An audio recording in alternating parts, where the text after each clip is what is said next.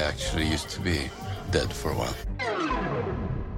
Jeg må bare få det å se ut som det er hun som har gjort slutt, for det ser bedre ut i ettertid. Knark, ekobrott, våld och otrohet. Nej, det är inte en onsdag i Andrew Tates liv vi pratar om, utan den tredje säsongen av SVTs succéserie Exit. Take a look at my enormous penis and my troubles start melting away. För eh, vad är det som gör att vi kan titta timme ut och timme in på folk som beter sig som riktiga grisar och ändå fortsätter vi leta efter de försonande dragen?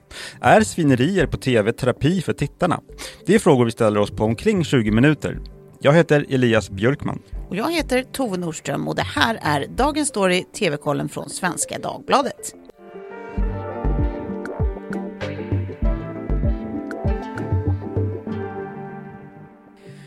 Ja du Elias, idag är en väldigt speciell dag. Idag är dagen jag ska göra avbön. Äntligen! Mm. Är inte det kul? Eh, eh, Jag ska berätta att jag hade fel. Men det kommer ni få vänta på till slutet av det här avsnittet för det kommer ske i Bincheliblär lite senare. Eh, Då vet ni dock vad ni har att vänta. Det kommer vara värt väntan och det är en unik händelse. Nordström gör avbön. Plötsligt händer det. Eh, Exit då, eh, det är ju alltså den norska dramaserien om fyra bankerkillar i Oslo, om deras liv och leverne.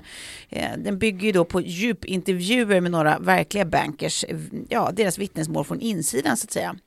Men obs, eh, jag skulle säga mer inspirerad av en, en exakt dramatisering av verkliga händelser.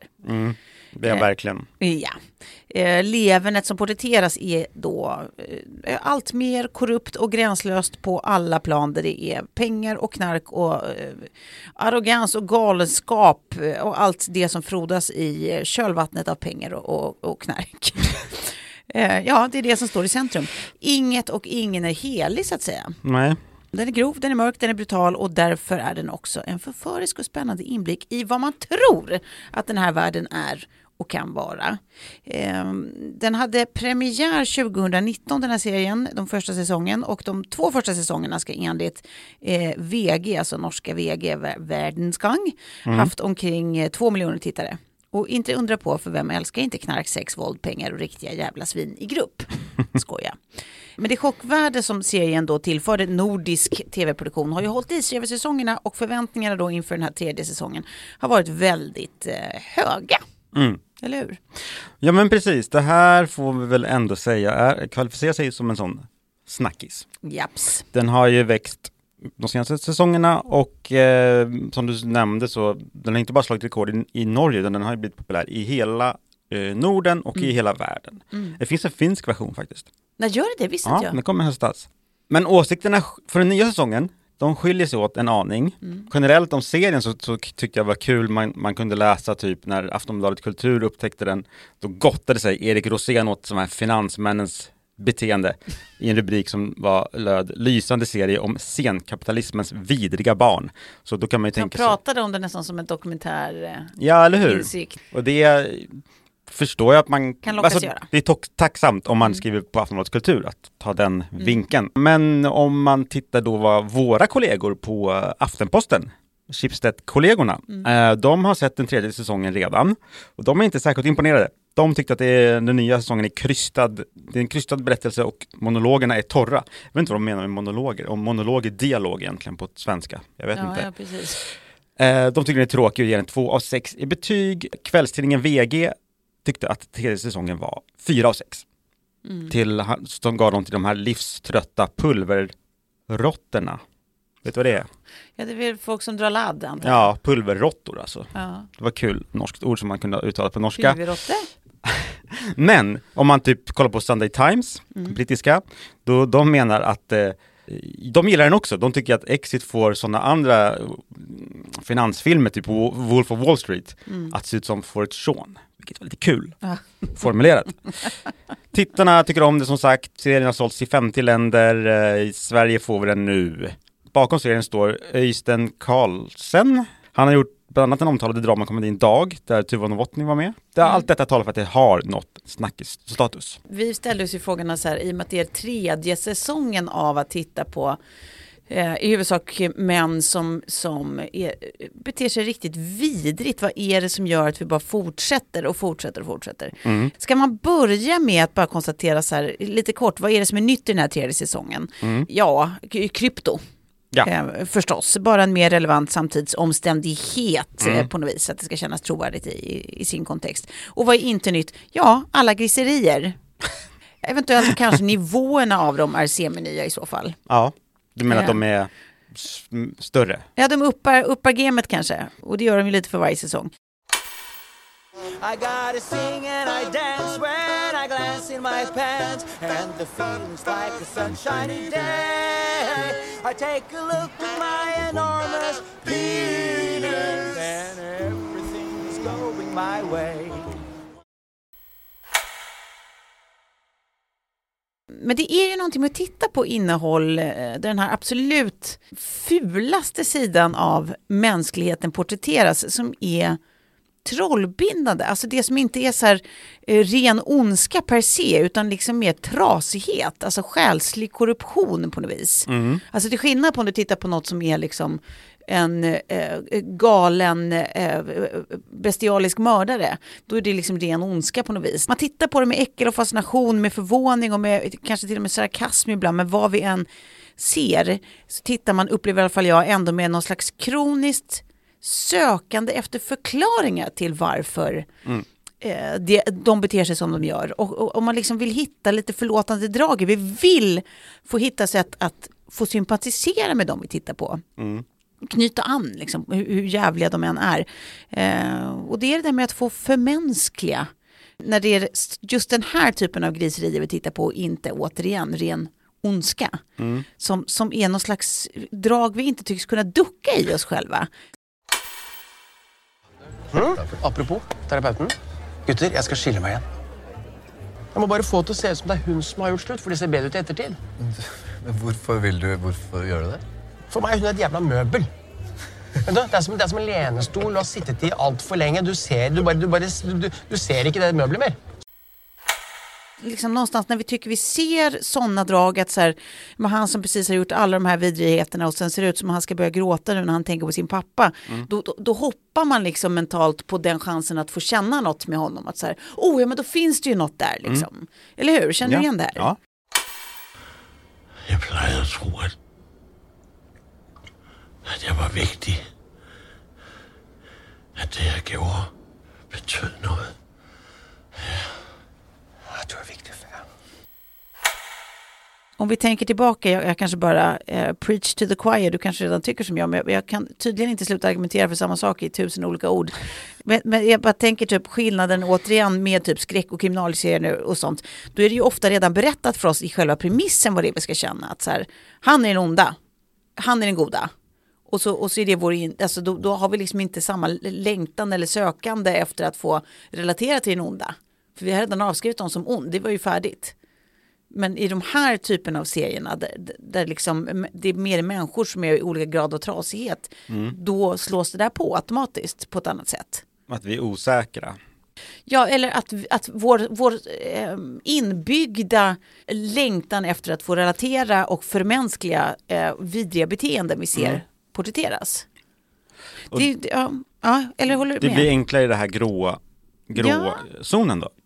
Ja, precis. Och kanske, ja, det kanske hänger ihop med också så här, i- när det sätts upp i, i, i mer långsamma dramer som, som det här, säsong efter säsong och sånt, då hinner man ju också bygga upp karaktärer på ett annat sätt. Och ju eh, grundligare karaktärspresentation du har fått, desto större chans är det ju att du känner med karaktären. Förstås, till skillnad från eh, Harry Mördan som Ja. du inte ser i Ja. någon annan kontext än när han gör sina Eller- dåd. Ja. eller hon. Men det jag undrar efter här, alla dessa ord senare Elias, ja, så är det jag undrar, det Ja. här sökandet att hitta det här mänskliga i det omänskliga, kanske är det inte bara en önskan om att kunna liksom relatera och förstå i sig, alltså för sakens skull, för att kunna liksom wrap your head around saker man tycker är sjukt, utan kan det till och med vara något galet som lite religiöst? Mm. Alltså att vi svenskar i det här fallet som är världens mest sekular, sekulariserade folk. Tänk om det är så att vi visst är troende i grunden i någon mån. Kanske inte på Bibeln, men på det inneboende goda i människan och i vår vilja att få knyta an. Hörde jag ett halleluja? Men eh, absolut. Låter det som att jag har klivit på ganjan eller, eller kan, du, kan du se vad jag tänker? Om det är någon, någon eh, invånaregrupp i, i världen som skulle ha det som religion så är det väl eh, svenskarna, Ja, spontant. Det Ja. vill vi väl. ja. Tesen är att vi vill se det goda i det onda. Nej. ja precis. Alltså, alltså att vi, precis vår, vår ständiga, vårt kroniska tillstånd är att alltid söka, vår- vårt naturliga tillstånd, att alltid vilja söka efter det goda, det inneboende goda i människan. Mm. Även när hon gör onda dåd. Liksom. Det känns som en sån här gammal folkhems, eller så här mm, svensk eh, tradition att Ja. Man, man ska alltid eh, fria, hellre än fälla. Ja men precis, och att människan i grunden är god. Och, men det, fin, det finns någonting i det som jag, jag tycker andas eh, eh, eh, religion. Mm. Är du frälst då? Ja, i det att jag också tänker att det där är väl alltid en ut, god utgångspunkt i livet och eh, Mm. i världen i stort. Så får man väl säga att det är det. Mm. Och jag vet inte, jag tycker bara att Exit också gör det här kanske blir för flummigt, men, men vär- värt att lyfta tyckte jag. Jag tycker att Exit också gör det här, det, det är att visa på att kanske varje människa kan eh, eh, drivas till gränslöshet och till någon slags mått av vansinne givet eh, rätt inom situationstecken omständigheter. Och det, det, det är de ju förstås inte först med att göra Exit eller produktionsteamet bakom, men de gör det. Vi har ju i grunden ljusa karaktärer som förmörkas över tid. Liksom människor som utsätts för tillräckligt mycket helvete ofta gör. Det har jag alltid tyckt är konstigt. Om man tycker att kaffet man blir serverad varje dag är dåligt, varför gör man inget åt det? Ja, for det er en sånn person du det ikke det? En som gjør noe med det. Hartman, man behöver inte vara en speciell människotyp för att låta bli att dricka dåligt kaffe. Eller äta torrt bröd. Eller dricka dåligt vin. Man får bara göra något åt det. Ryan Reynolds here from Mint Mobile. With the price of just about everything going up during inflation, we thought we'd bring our prices down. So to help us, we brought in a reverse auctioneer, which is apparently a thing. Mint Mobile unlimited premium wireless. Ready to get 30, 30, bit to get 30, bit to get 20, 20, 20, bit to get 20, 20, bit to get 15, 15, 15, 15 just 15 bucks a month. So, Give it a try at mintmobile.com slash switch. $45 upfront for three months plus taxes and fees. Promo rate for new customers for limited time. Unlimited more than 40 gigabytes per month. Slows. Full terms at mintmobile.com. Och vi har ju mörka karaktärer som då och då visar tecken på att söka efter något slags ljus, men, men muskelminnet eh, tillåter det liksom inte riktigt. Och mitt i det här sitter vi tittarna och fortsätter hoppas att en bajskorv inte är en bajskorv. Men, Vilket också är ett annat sätt att säga att vi är religiösa. ja, Vi, bara, vi Vi- tittar på en bajskorv, men det är inte en bajskorv. Är det en bajskorv? vi vill tro. Vi vill tro. Är inte det märkligt? Nej. Nej. Nej, det är det inte. Så enkelt kan det vara. Men eh, jag skulle vilja lyfta en sak som är kopplad till det här. ja. Och det är ju det här med, för du är, du är redan, du är redan inne på det, det är det här med antihjältar. ja. Det här är ju ett gäng antihjältar på ett sätt. Och då kanske du tycker att nej, det här är inga hjältar. Men grejen med antihjältar är att de behöver inte vara goda eller de hittas ju oftast i den här gråzonen. Och det är ju en kär tv-tradition med antihjältar. Det är en, Ja, det är det det är en kär tradition bara generellt Mm. i det fiktiva berättandet. Det har ju funnits sen, man kan ju gå tillbaka till, ja, typ redan de gamla grekerna. När var, när var Iliaden? Nej men, alltså det är inget nytt. Mm. Förenklat kan man säga, antihjälten är en person som avviker från den klassiska bilden av en hjälte, Just men det. ändå väcker sympati. Enligt Wikipedia kan antihjältar vara skurkaktiga eller goda, klumpiga, jobbiga, fula, sorgliga eller trögtänkta. Oftast verkar de i en moralisk gråzon och de kan till och med vara omoraliska i sina handlingar eller motiv. Men vi som tittare Mm. sympatiserar ändå med dem. Vad beror detta på? Jo, det beror på att vi ser oss själva kanske Mm. i det här mörkret. Vi ser ett mörker som vi kanske utlevs av personerna, Mm. som vi själva har inom oss, men som vi aldrig skulle agera på eller leva ut så att säga. Mm. Vi mår bra av att känna sympati, empati, fascination Just det. för antihjältar. Jag vet inte om det går att applicera på Exit. Är det inte mer typ att vi vill göra dem till antihjältar? Vi Ja, önskar kanske. att de ska bevisa, och, alltså de ger oss, de ger oss ingenting Fast- Mm. som, som tyder på att de är antihjältar, utan bara egentligen grisar. Nej, de här, de kanske inte passar in här, men varför gillar vi Tony Soprano? Han är, Tony Soprano är en våldsam mördare. Eh, han är notoriskt otrogen, han går till prostituerade, han är barnslig, men eh, samtidigt vill man ändå ha någon som en extra pappa. Han är supermysig. Nej men han är ju jätte, jättevidrig egentligen, Ja. men han tycker jag passar in väldigt bra på det här antihjälte Ja. för att eh, man ändå sympatiserar med honom. Men ju- just att det, det är tv-motiv som återkommer med Breaking Bad, Ja. Don Draper i Mad Men, ja, vad heter han, massmördaren eh, Dexter. Dexter och Och sånt. Dexter är intressant för att han, han är ju en mördare. Mm. Men han mördar ju bara sådana som han anser skyldiga, eller hur? Exakt, men han är ju liksom domstol och pöbel själv. Ja, det är inte okej. Nej, Nej det är inte okej. Nu har vi Eh, bara nämnt män här, det finns kvinnliga antihjältar också, men de var svåra att hitta. Men typ Claire Underwood i House of Cards kanske? Just det. Cersei Lannister i Game of Thrones. Mm. Ja, Precis, och det är ju sådana som hela tiden balanserar på gränsen mellan fullständigt oförlåtligt osympatiska Mm, och mm. ändå då och då visar upp sprickor som gör att så här, ett uns av sympati lite in. Vi vill få förlåta, det är där jag tror Mm. det religiösa kommer in, att vi vill ja. få förlåta. Men där tycker jag de här olika, de här två knyts ihop Mm. i detta. Precis. Jag, jag tror du har helt rätt i det, att vi vill förlåta, men, men vi tycker också om. Mm. Jag tror att det är dubbelt, jag tror även att man gillar det. Alltså det, det är något kittlande att se ett mörker utövas av någon annan som människan själv kan så här, hysa fantasier om. Mm. Om man aldrig skulle omsätta till verklighet. Ja. Och, och då finns det ju någonting kittlande att se någon annan omsätta det till verklighet. Mm. Det finns en, en myskänsla nästan nu att se folk vara vansinnigt gränslösa. Att det är så här, men gud det är helt sjukt. Och så myser man ändå lite av Mm. hur galet det är liksom. Ja. Eh, med gränslösheten.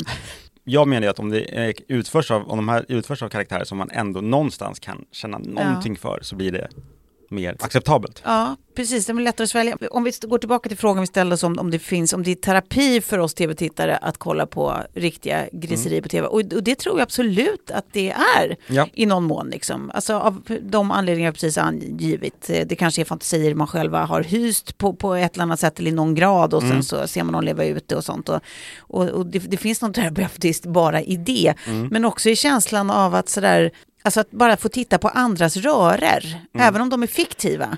Så, så finns det ju någonting alltså, som är ganska skönt. Vi mår ju ofta, galet nog, i, i relation till annat eller till andra. Så vi mår relativt till annat. Mm. Och är det så att vi ser någon annans jävla eh, superröra, gud vad jag svär, jag ber om ursäkt.